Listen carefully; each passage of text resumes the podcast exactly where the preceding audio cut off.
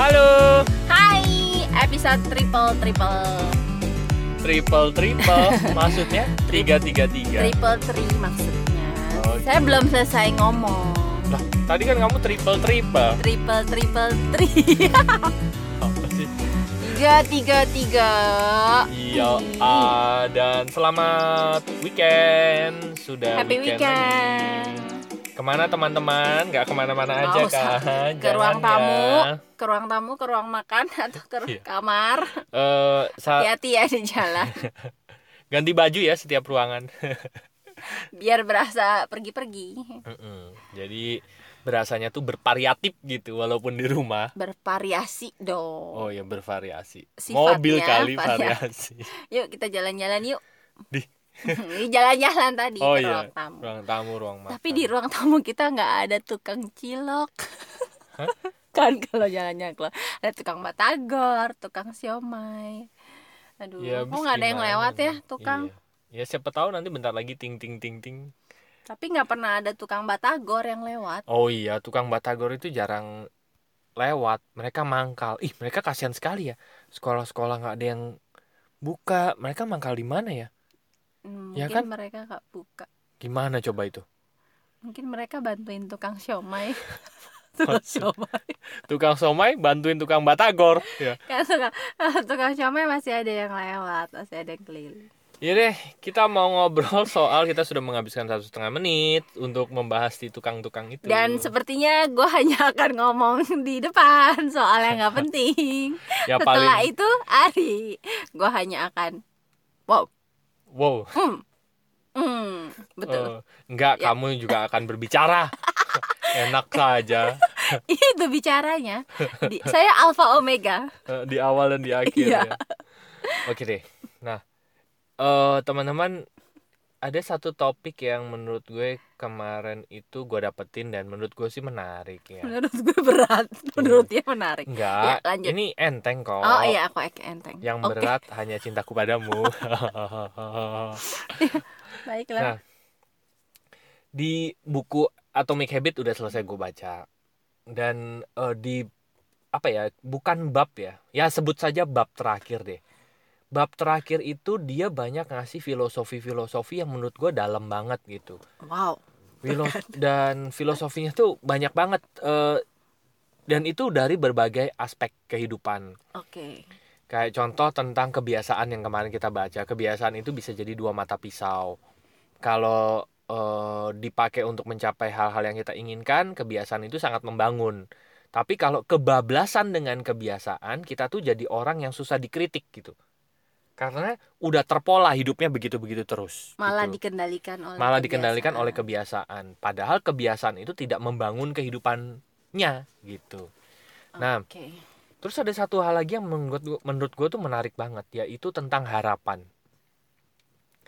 Si James Clear itu pe- Mm-mm. yang nulis eh, Atomic, Atomic Habit, Habit. itu cerita bahwa landasan dari harapan adalah Tindakan dan pengetahuan. pengalaman. Oh pengalaman. Jadi spoiler deh.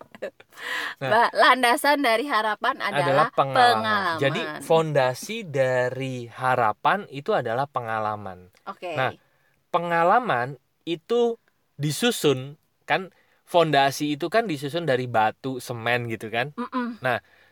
Eh, landasan dari eh apa tadi namanya tindakan tadi eh pengalaman tadi ya Kita kan pengalaman tadi itu disusun dari tindakan dan pengetahuan jadi con- fondasinya harapan adalah pengalaman. pengalaman. Pengalaman disusun dari tindakan dan Iya.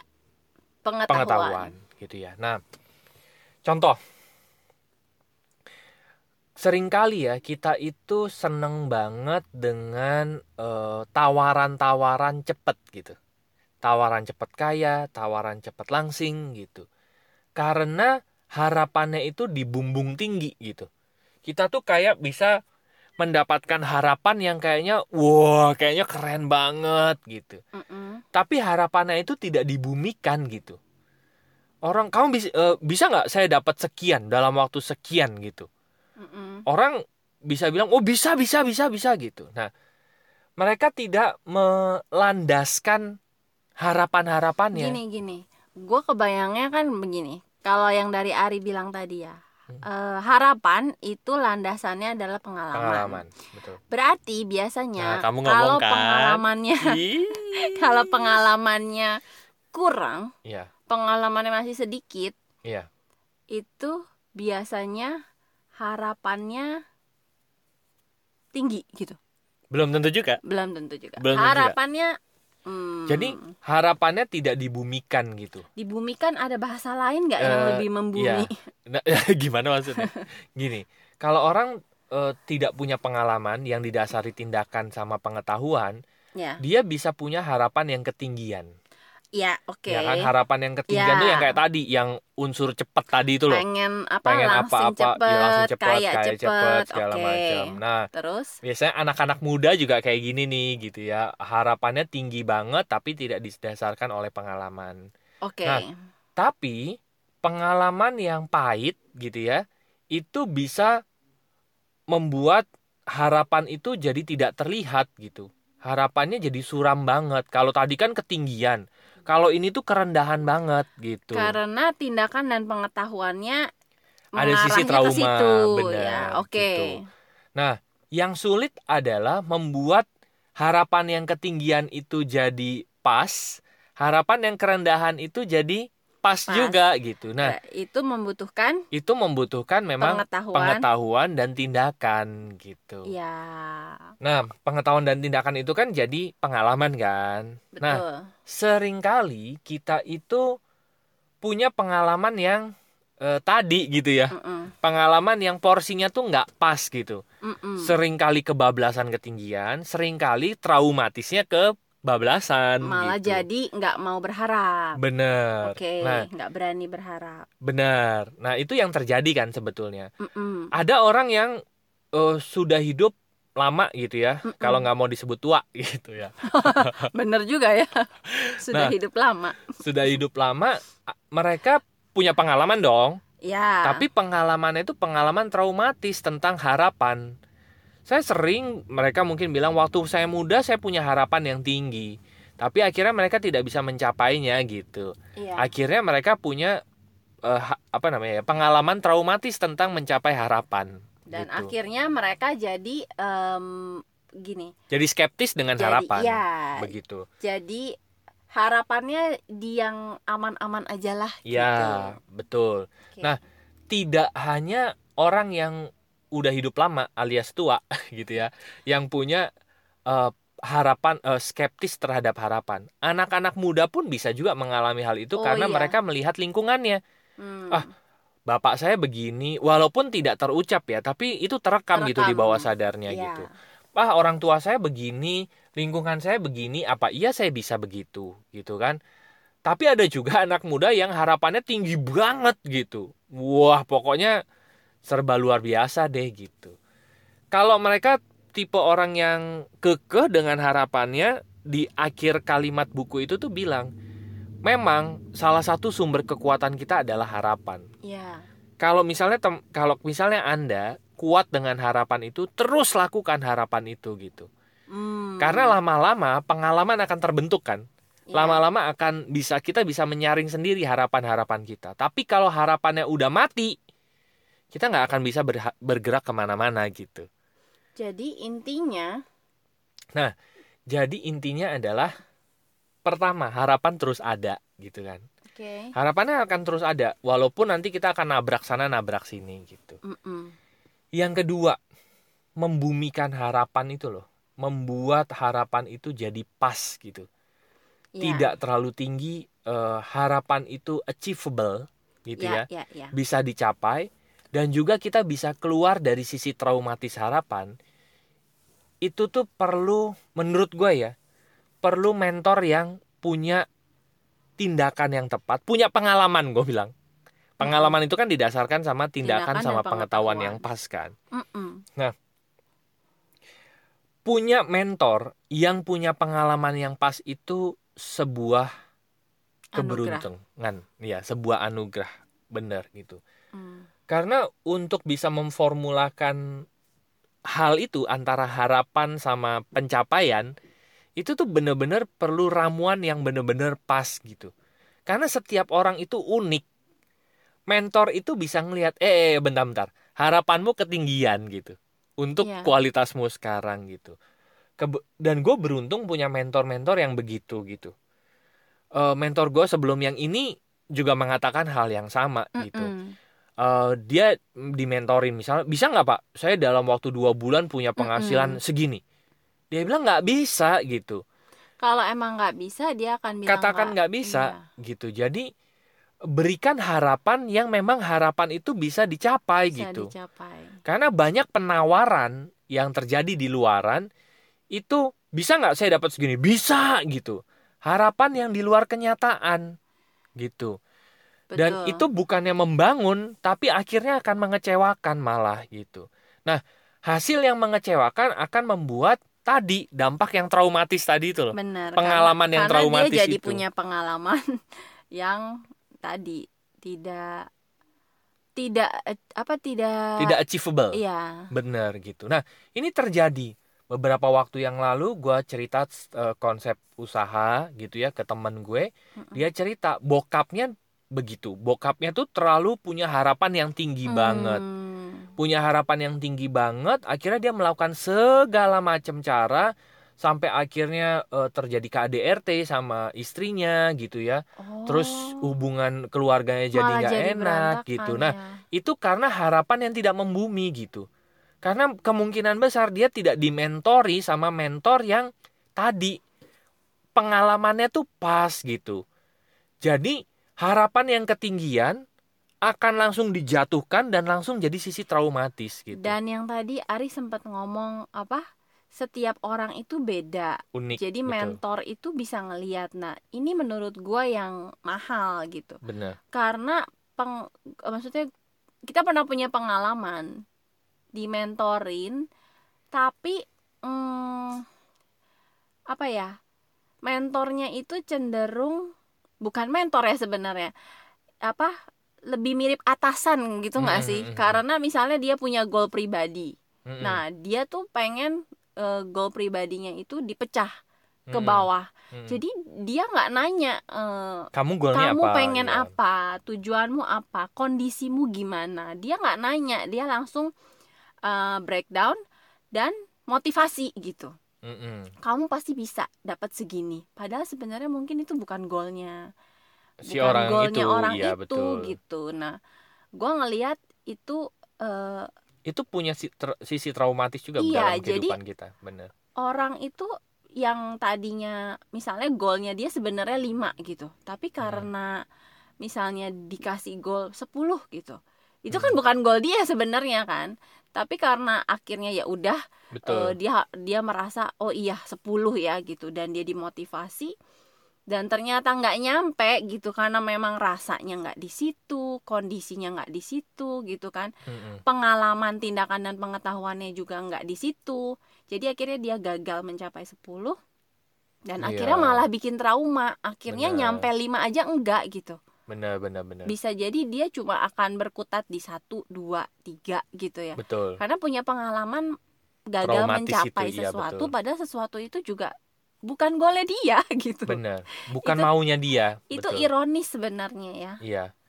Nah yang tadi gua sama Rusi bilang uh, untuk bisa ketemu mentor yang pas dengan pengalaman yang mumpuni gue bilang ya pengalaman yeah. yang didasari oleh tindakan sama pengetahuannya dia Bener. itu bener-bener anugerah loh gitu karena kita tuh punya mentor yang pas gitu ya bener-bener pas itu ih gue bilang bener-bener menghemat waktu loh yeah. menghemat waktu tenaga biaya perasaan bener ya ya menghindari trauma yang sebenarnya nggak perlu bener gitu nah banyak uh, banyak orang yang akhirnya sebetulnya bukannya mereka tidak punya kemampuan, yeah. tapi mereka belum menemukan mentor yang pas tadi itu loh gitu. Karena kalau ditanya gimana cara nemuin mentor yang pas, karma lah, ya, ya gak sih? Karena uh, eh, gue kemarin baca uh, kesadaran sih yang narik. Iya, gue kemarin baca ini kan uh, di FB tulisan dari Buddha. Buddha cerita gini, uh, bilang kata-kata gini, sabar semua itu akan hadir di saat yang tepat gitu. Eh, tapi bahasa Inggris ya, be patient. Apa gue lupa ya itu selanjutannya itu. Saya Pokoknya intinya gitu lah. justru. Kan be patient saya bilang. ya saya saya nunggu yang bagian belakangnya yang panjang itu loh. be patient. Udah. Semua akan datang di saat yang tepat gitu. Oke. Ya gitu deh. Nah, emang pa- untuk ketemu mentor yang pas pun kita memang perlu waktu yang tepat gitu. Kapan waktu yang tepat itu ya pada saat kitanya tepat, pada saat kita pada saat eh, kan katanya guru datang saat muridnya siap gitu kan. Iya. Gitu. Nah, pada saat eh, muridnya benar-benar siap, ya guru-guru yang pas itu akan datang. Kita tuh akan dikirim oleh guru-guru yang sesuai dengan rasa kita kok gitu. Di, ya, dikirimi guru. Iya, kita itu rasanya di mana ya nanti guru kita akan jadi seperti itu gitu. Hmm. Nah nanti ya begitu jadi dinikmati aja lah gitu. Kalau misalnya eh, teman-teman ketemu sama orang gitu ya, mungkin teman-teman merasa apa yang teman-teman bawa itu udah cocok gitu, tapi orangnya eh, nggak mau atau nggak pas ya berarti memang belum jodoh gitu aja sih. Nih, Gitu. eh gue lagi menyimpulkan ya. Berarti gini ya, kan harapan yang ideal itu berarti adalah harapan yang sesuai potensi kita. Yes, that's Ya kan? right. Bisa mengeluarkan potensi terbaik, Mm-mm, eh, itu kan pas kan? betul, Nggak ketinggian, tapi Betul. juga nggak kerendahan. betul. Nah, untuk bisa mengeluar eh, punya harapan yang sesuai potensi, berarti Mm-mm. kita perlu punya pengalaman yang tepat. Betul. Berarti pengalaman itu terbuat Mm-mm. dari tindakan dan pengetahuan. Betul. Berarti kalau misalnya em, harapannya ternyata kerendahan, Yes. berarti ya ujung-ujungnya ini kan sebenarnya gini, pengetahuan dan tindakan itu bisa di ujung-ujungnya kesadaran ya. Memang iya betul. Karena oke kan begini, kalau harapannya kerendahan karena trauma-trauma tadi, berarti kan Mm. kita perlu membenahi di dasar pengalamannya Betul. ini kan. Betul. Kenapa dulu pengalamannya begini? Kenapa Betul. dulu pengalamannya begini? Betul. Jangan-jangan pengetahuannya benar. uh-uh, begi- Pengetahuannya nggak ditambah gitu kan. Ya, jadi Sedangkan tindakan itu ber apa ki- kita melakukan sebuah tindakan dari pengetahuan kita. benar. Maksud gue adalah supaya orang itu seseorang tidak melabeli eh, Iya, itu tuh dirinya gitu bahwa iya. ah gue gagal gitu gue ya. gagal. Iya. Padahal Bukan. enggak, ini bukan soal diri, ini soal Betul. pengalaman lo aja yang kemarin Bener. mungkin karena tindakan dan pengetahuannya nggak That's pas right. gitu. Betul Jadi sekali. sebenarnya semua orang itu masih tetap bisa That's right. mencapai atau membuat harapan yang sesuai potensi dirinya Betul. kalau Betul. dia dengan sadar mengubah tindakan dan menambah pengetahuannya Benar. yang mendukung Betul. gitu. Betul sekali. Benar. Jadi kalau ditanya eh, sampai kapan kita bisa punya harapan? Sampai kita masih punya rasa. Mm-mm, Gitu. mm-mm. selama kita masih punya rasa kan sebetulnya yang menggerakkan hidup kita adalah emosi-emosi kita kan Iya. kalau kita masih punya rasa gue kepengen ini dong gitu gue pengen punya misalnya kehidupan yang seperti ini dan teman-teman masih bisa ngerasain perasaan itu selama itu harapan-harapan itu bisa tercapai Iya. kenapa karena tadi malam gue baru ngobrol sama Rusi bahasa semesta itu adalah Mm-mm. bahasa rasa gitu Iya. kita itu boleh berdoa dengan ucapan yang bagus, tapi Kalau rasanya masih Benar. mengucapkan yang sebaliknya atau yang Benar. bukan seperti yang kita ucapkan, semesta itu akan lebih dengerin rasa. rasa gitu. betul. Nah, Jadi bener. kayak apa Kayak contohnya? Kemarin gua jadi gue cerita sama Rusi. Jadi adik gue itu kan berkebutuhan khusus ya. Adik gue tuh nggak bisa denger gitu, eh, tunarungu lah ya gitu. Nah, sedangkan nyokap gue kalau nyuruh adik gue itu pakai suara gitu. Minum minum misalnya gitu kan. Ya mau kita teriak sekencang apa pun, minum minum, adik gue tetap nggak bisa denger. Namanya juga tuna- tunarungu Karena- ya kan. Iya, karena bahasa yang dia berkomunikasinya bukan dengan bahasa, bahasa suara. tapi dia berkomunikasi dengan bahasa gerak. gerak. bahasa isyarat.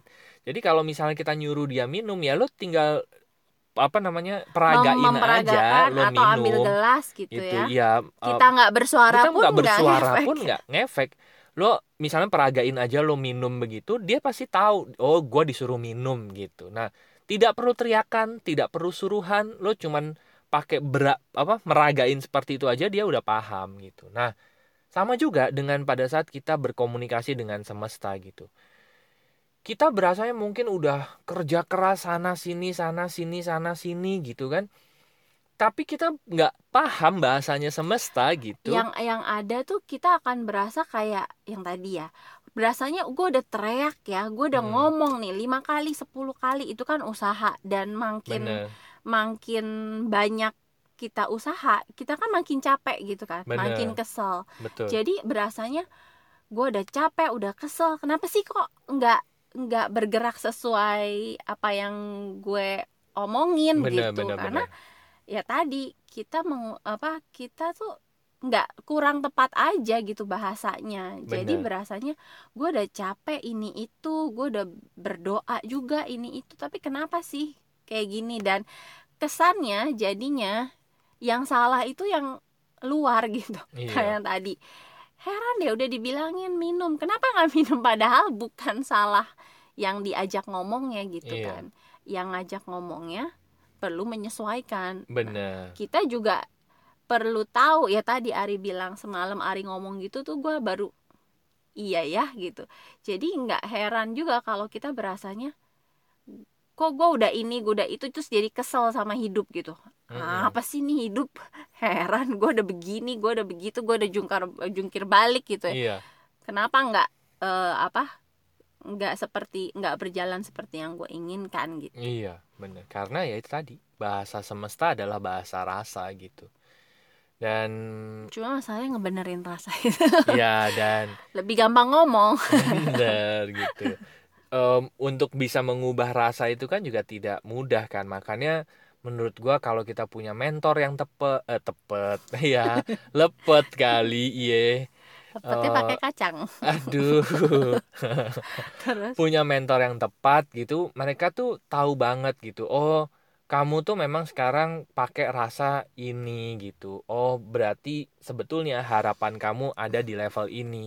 Yang perlu kamu lakuin untuk mencapai harapan ini coba deh kamu tambah pengetahuan ini ini ini ini ini gitu. Nah eh, pengetahuan yang dia eh, mereka mentor-mentor kita tuh bisa menganjurkan kamu tambah pengetahuan ini ini ini ini ini supaya bisa menghasilkan sebuah atau berbagai tindakan yang akhirnya tindakan ini bisa membuat kita mencapai harapan-harapan itu gitu. dan pencapaian-pencapaian itu yang akhirnya membentuk pengalaman baru bener. dan begitu terbentuk pengalaman-pengalaman baru Bener. harapan kita kan akan makin keluar tadi sesuai Yes. potensi diri Bener gitu. Hmm. Itu sih jadinya em, setiap dari kita tuh masih dikasih kesempatan. Selama kita masih punya rasa, kita masih bisa merasa, semua harapan-harapan kita tuh bisa dicapai gitu. Asalkan kita punya pengetahuan yang tepat karena harapan A itu pengetahuannya berbeda untuk mendapatkan harapan tersebut gitu. iya benar Kita misalnya kita memang punya harapan soal finansial. iya Berarti kan pengetahuannya harus yang ditambah adalah finansial, Finansial. dong gitu kan. Hmm. Nah, tindakannya juga akan mengarah ke situ. iya Pengetahuan tentang hubungan itu kan juga eh harapan tentang hubungan itu kan juga pengetahuannya beda benar gitu. benar benar Jadi dasarnya gitu. Memang harapan itu kan rumahnya kan kita pengen Mm-mm. wah rumah kita bentuknya kayak gini nih. Mm-mm. Tapi fondasinya adalah pengalaman tadi gitu. Nah, pengalaman itu disusun dari tindakan, tindakan dan, pengetahuan. pengetahuan gitu. Oke, berarti kalau gue merah lagi merasa harapan gue di aspek yang A gitu ya, Ya. kok berasanya kurang. Berarti gue perlu mereview tindakan gue udah menuju ke yang A belum? Jangan-jangan gini, gue Betul. ngarepinnya A, Betul. tapi tindakan dan pengetahuan yang terus-menerus gue tambah dan gue lakukan yang B, B, doang iya, gitu. Jadinya betul. berasanya kok hidup gue B doang ya isinya gitu. Betul. Oh, oke. Karena fondasinya pasti akan beda kan. Fondasinya gitu. beda, tindakannya Bener. juga beda, pengetahuan yang dibutuhkan juga beda. Betul. Jadi that's perlu spesifik ya. Betul sekali. Teman-teman lagi punya harapan apa? Bener gitu. Nah, ya itu tadi harapan itu kan kalau mau dibagi ya di enam aspek kehidupan kan harapan itu ujung-ujungnya lah kalau disimpulkan gitu ya. Nah, Iya. teman-teman sekarang lagi beratnya yang di mana? Misalnya beratnya yang di finansial ya berarti tambahin terus tuh eh, apa namanya ya pengetahuan-pengetahuan tentang finansial gitu. Cuma menurut gue juga kan ada korelasi ya antara semua aspek ini. Oh jelas jelas jelas. Kayak kemarin Eh, jadi bisa jadi nih kalau misalnya gimana ya mak- maksud gue kayak waktu itu kita pernah bahas pengetahuan misalnya kita lagi perlunya finansial kita Hmm. berasanya udah menambah pengetahuan tindakan iya ke finansial tapi Benar. ternyata ada pengaruh mental dan spiritual juga Betul. ke arah sana betul. tapi Nah. mungkin selama ini kita nggak Ya. nyadar karena kita kepikirannya cuma Duit duit gue duit duit. butuhnya Iya, betul. finansial kok jadi wajar dong kalau Betul. yang gue lakukan dan yang gue cari pengetahuannya itu ya finansial gitu Betul. Nah, apa yang bisa bikin orang berpikir bahwa oh ternyata aspek ini berhubungan Dengan- aspek iya. ini mempengaruhi gitu. Makanya yang tadi gue bilang gitu ya, peran mentor itu berpengaruh banget karena Hmm. untuk membenahi satu aspek aja finansial Mm-mm. itu tidak hanya melulu yang kita pelajari adalah bagaimana menghasilkan duit. Ingat loh, bagaimana menghasilkan uang itu aspeknya ada banyak. oke Aspek rasa juga perlu dipelajari. Betul kan? Iya. Itu kan pengetahuan untuk mendapatkan finansial. Aspek apa lagi? Aspek kehidupan juga perlu dipelajari gitu. Hmm. Karena eh, yang bisa menyelamatkanmu adalah karma baikmu kan. Semua keberlimpahan baik itu ya keberlimpahan termasuk salah satunya finansial itu juga datang dari nilai-nilai kehidupan yang kita lakukan gitu kan. Itu kan juga pengetahuan tentang mendapatkan finansial kan. Tidak melulu bagaimana cara menjual, bagaimana cara Tapi- berhadapan dengan benar, orang benar. gitu. Itu Cuma juga aspek ada aspek juga ya kan. yang gue misalnya gue itu cenderung malah eh apa lebih banyak belajar soal yang tadi mental segala macam tapi gue justru lupa ngasah ngasah pengetahuan dan tindakan gue di yang finansialnya gitu. Ya mungkin ya saling saling melengkapi gitu ya. Kan tadi kalau misalnya eh, apa aspek finansial tuh ada aspek kehidupannya ada aspek apanya tadi gitu ya. Mungkin yang perlu ditambah tinggal dikit lagi. Misalnya eh, pengetahuan tentang menjual gitu kan. Ah, ya kan nambahnya tinggal dikit nggak daripada nambah Benar, orang benar, yang bener-bener belum tahu tuh pengetahuannya semua gitu. Ya ya ya ya tinggal dilengkapi. Tinggal dilengkapi aja. Paling cuman ya belajar sedikit lagi udah. Disempurnakan sambil oke, jalan. gitu. jadi yang gitu penting deh udah tahu mau jalan ke mana ya. Mm-mm, itu kalau yang disempurnakan sambil jalan penting. tapi nggak tahu jalan ke mana bener. kita bingung juga ya gitu deh teman-teman. Jadi selamat Hmm. punya harapan harapan yang pas dan kami sih berharap teman-teman ketemu mentor yang pas itu loh gitu. Harapan yang pas dan eh, akan diikuti dengan pencapaian-pencapaiannya. Ya gitu. Nah bagi teman-teman yang masih pengen ngobrol soal ini gitu gimana sih buat harapan yang pas itu terus tadi mentoring yang pas itu gimana silahkan masuk aja ke website kami yaitu lompatanhidup.com Nanti ada tiga page di sana. Page yang pertama buat home boleh ngobrol-ngobrol soal ini di home juga boleh. ya Nanti ada tombol bebas. WA di sana nanti kita akan terhubung dengan WA kami, Kami. gitu ya.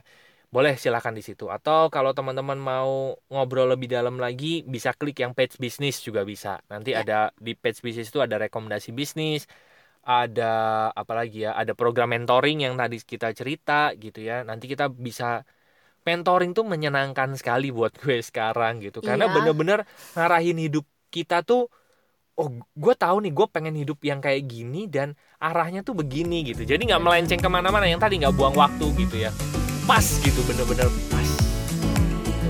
nah atau kalau teman-teman mau melakukan sesi terapi melakukan sesi konseling gitu ya atau mengundang kami bicara di event ini ada lain aja sama profesional kami silahkan masuk ke page yang kedua yaitu konseling dan event.